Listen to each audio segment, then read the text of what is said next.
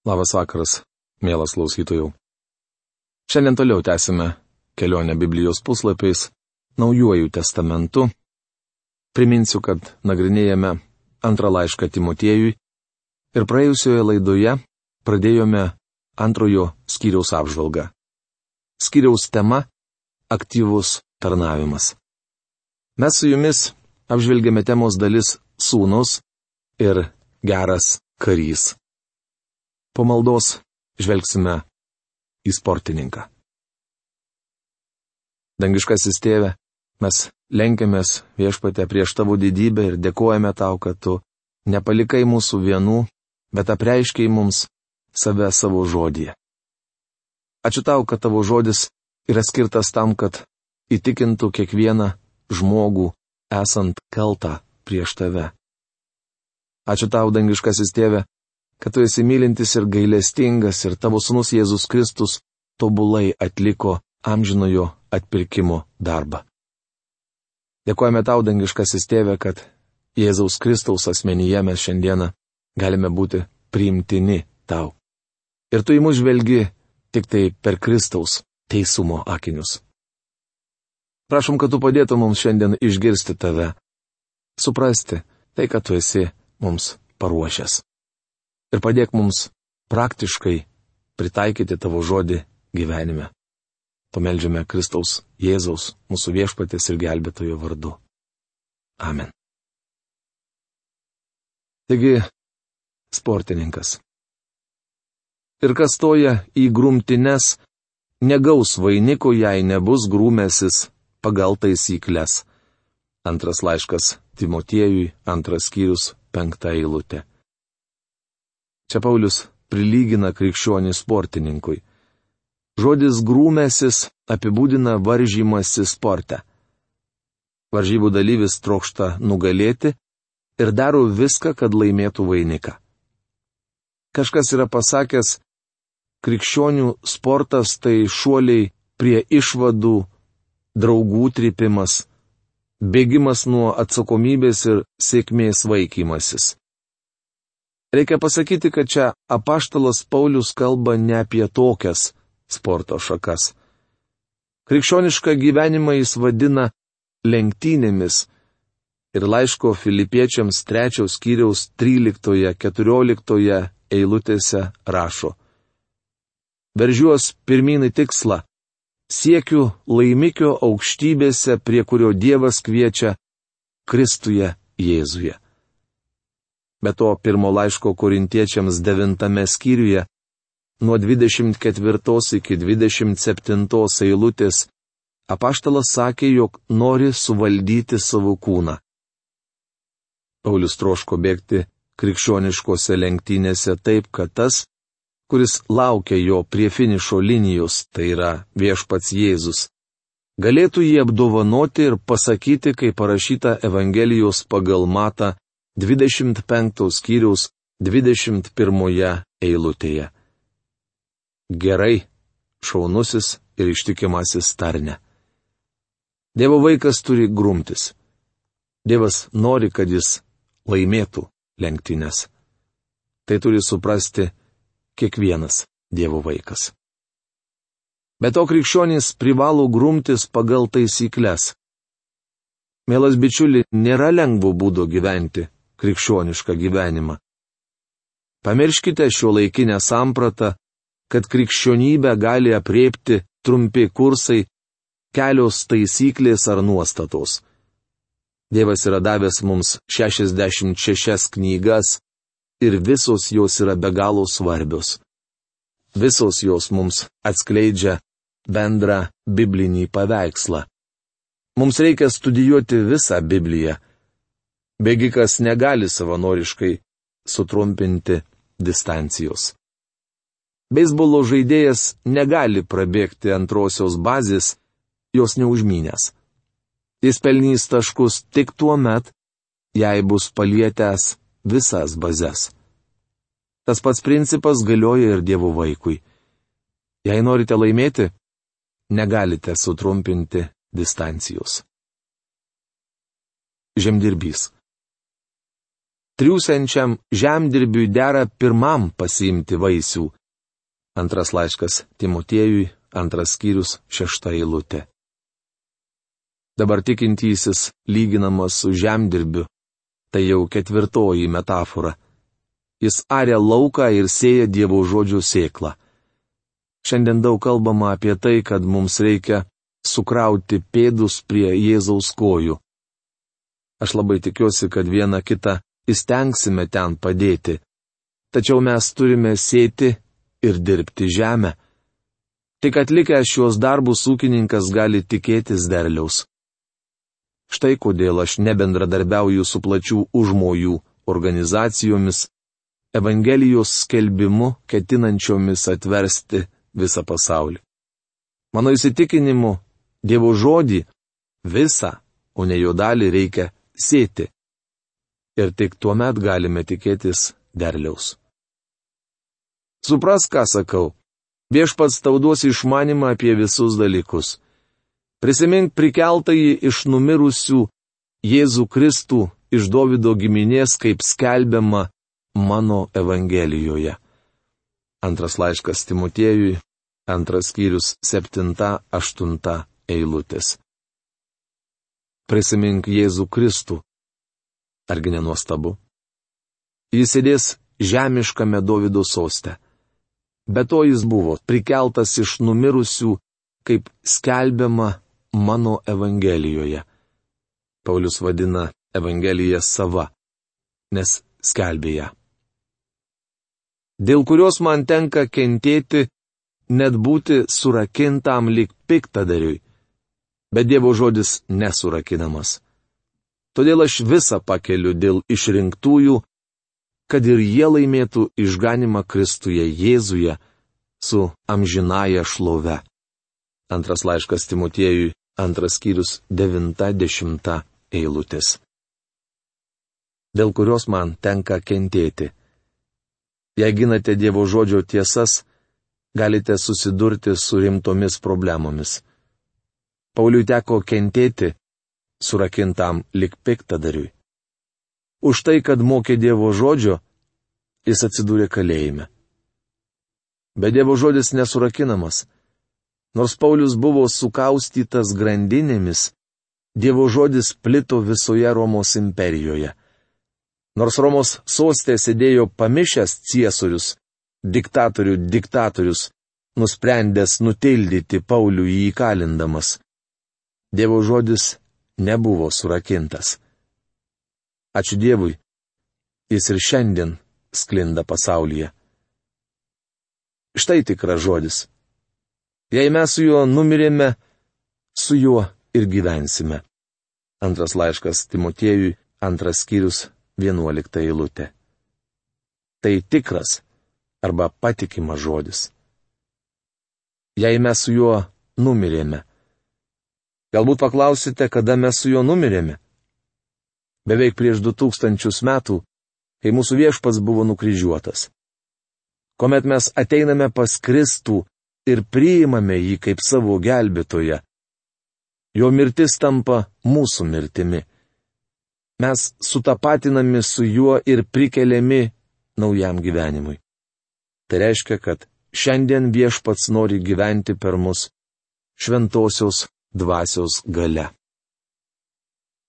Jei ištversime, su juo ir karaliausime. Jeigu mes jo išsižadėsime, ir jis mūsų išsižadės.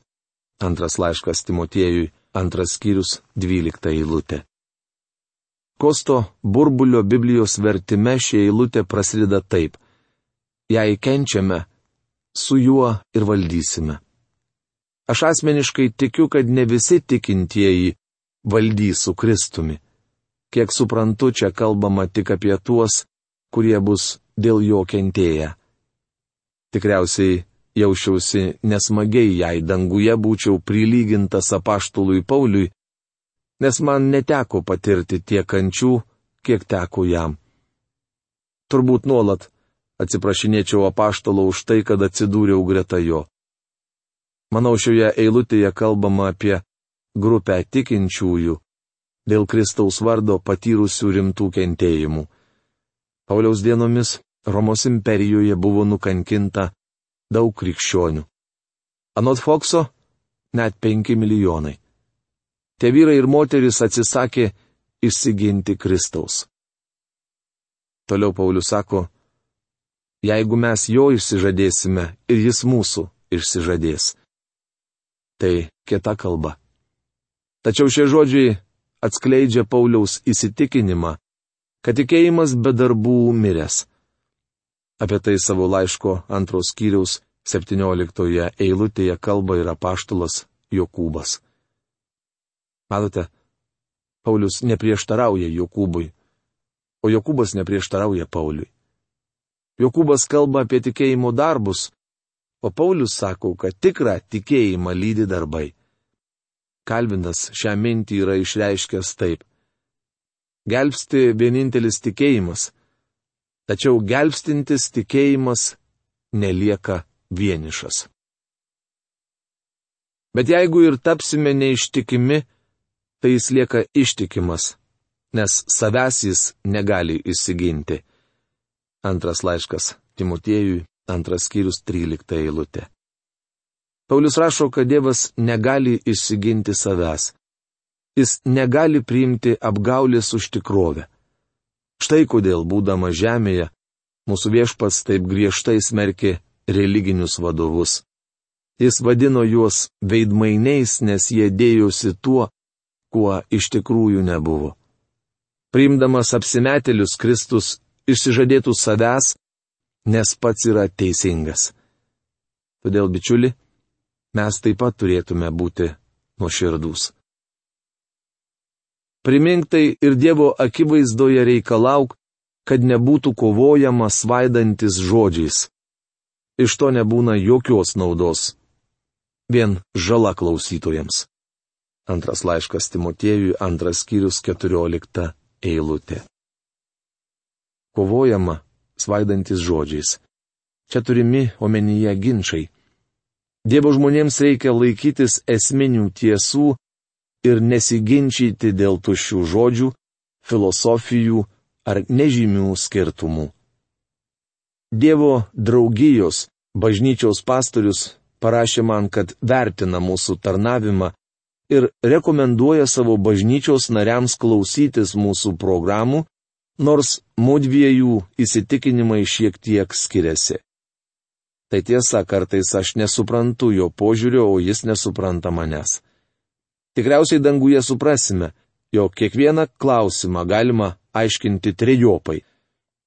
Kaip man atrodo, kaip jums atrodo ir teisingai. Galbūt viešpačiui teks pataisyti mus abu.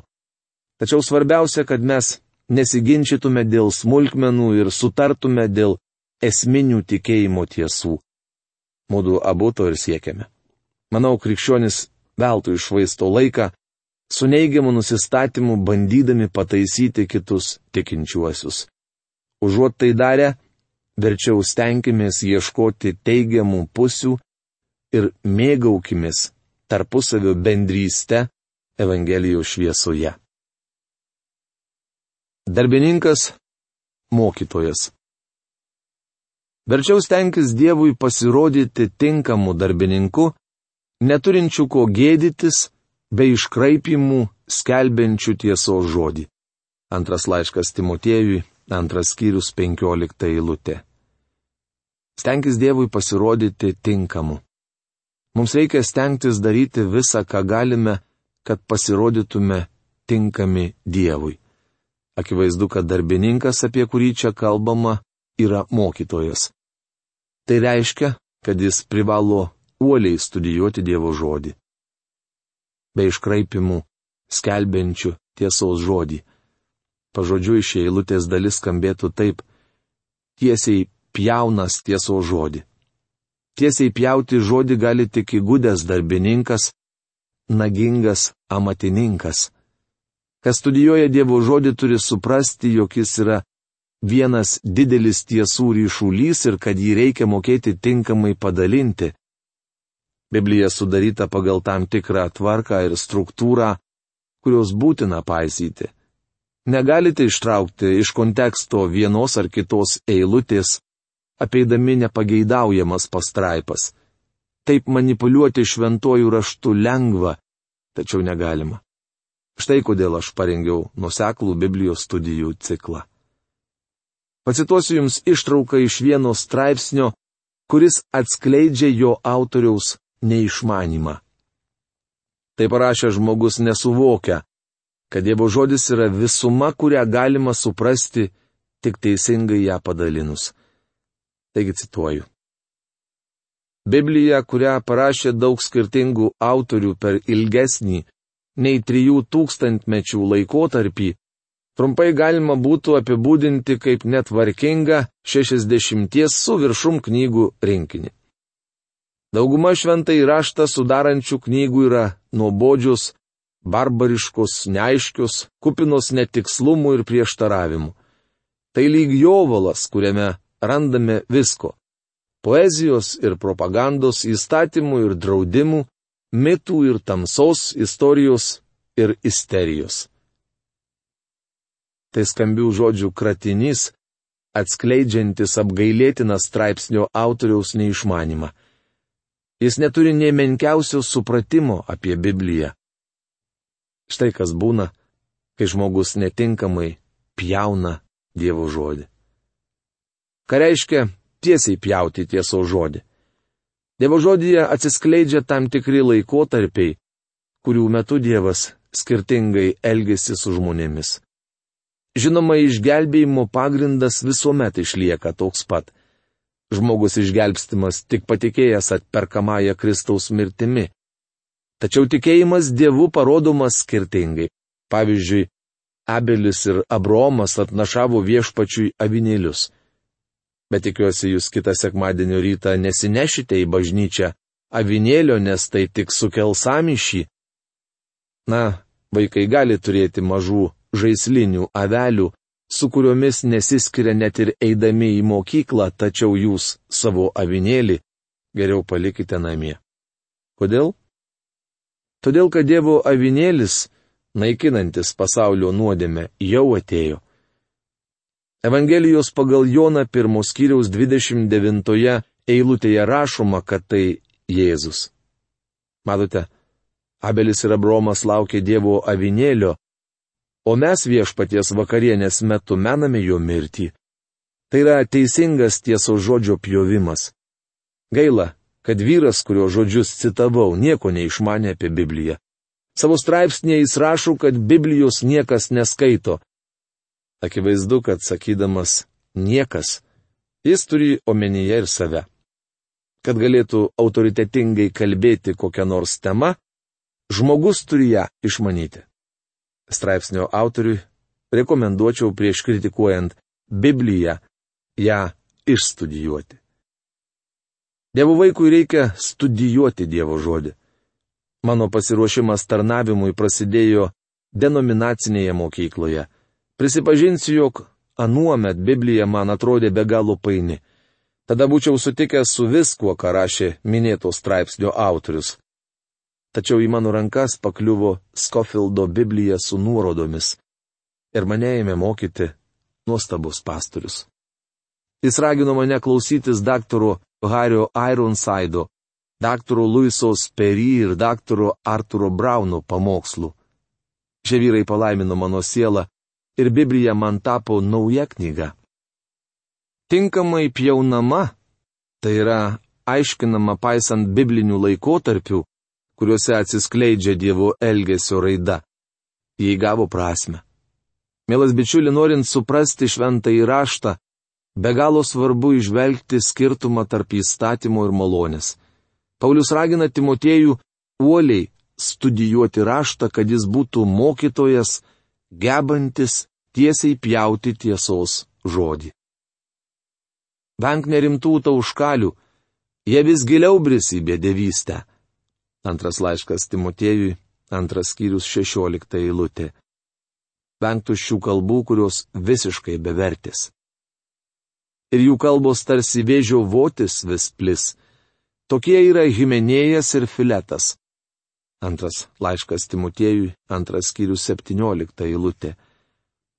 Mes mažai žinome apie vyrus, kuriuos čia mini Paulius, bet tikriausiai jie buvo atsimetėliai, kurie nuklydo nuo tiesos tvirtindami, kad prisikėlimas jau įvykęs ir tuo greudami kai kurių tikėjimą. Antras laiškas Timotiejui, antras skyrius 18 eilutė. Anomis dienomis buvo tokių, kurie mokė, jog prisikėlimas jau įvykęs. Tai turėjo reikšti, kad likusieji gyvi jį pražiopsojo. Bet nepajudinamai stovi Dievo pamatas su iškirstu įrašu. Viešpats pažįsta savuosius ir te atsitraukia nuo neteisybės kiekvienas, kuris garbina viešpaties vardą. Antras laiškas Timotiejui, antras skyrius 19 eilutė. Su iškirstu įrašu pažodžiui reiškia su anspaudo įspaudu. Anspaudas buvo autentiškumo bei nuosavybės ženklas. Viešpats pažįsta savuosius. Pakartoto įstatymo knygos šeštos skyriaus aštuntoje devintoje eilutėse Dievas taip kalbėjo savo tautai apie įsakymus, kuriuos buvo jiems davęs. Prisirišk juos kaip ženklą ant rankos. Te būna jie kaip žymė tau ant kaktos. Užsirašyk juos ant durų staktų savo namuose ir ant vartų. Izraelitui reikėjo paversti savo namus stendu, ant kurio būtų rašomas Dievo žodis. Tai turėjo rodyti, kad jis yra Dievo garbintojas. O kaip dėl nūdienos tikinčiųjų? Kaip jis parodo, jog yra Dievo vaikas? Te atsitraukia nuo neteisybės kiekvienas, kuris garbina viešpaties vardą. Štai iš ko aplinkiniai pažins, jog jūs priklausote Dievui. Tai ir yra atsiskyrimas. Jei minite Kristaus vardą, negyvenkite nuodėmėje. Deja, kai kurie fundamentalaus mokslo ir tikėjimo išpažinėjai tai yra tik apsimetėliai.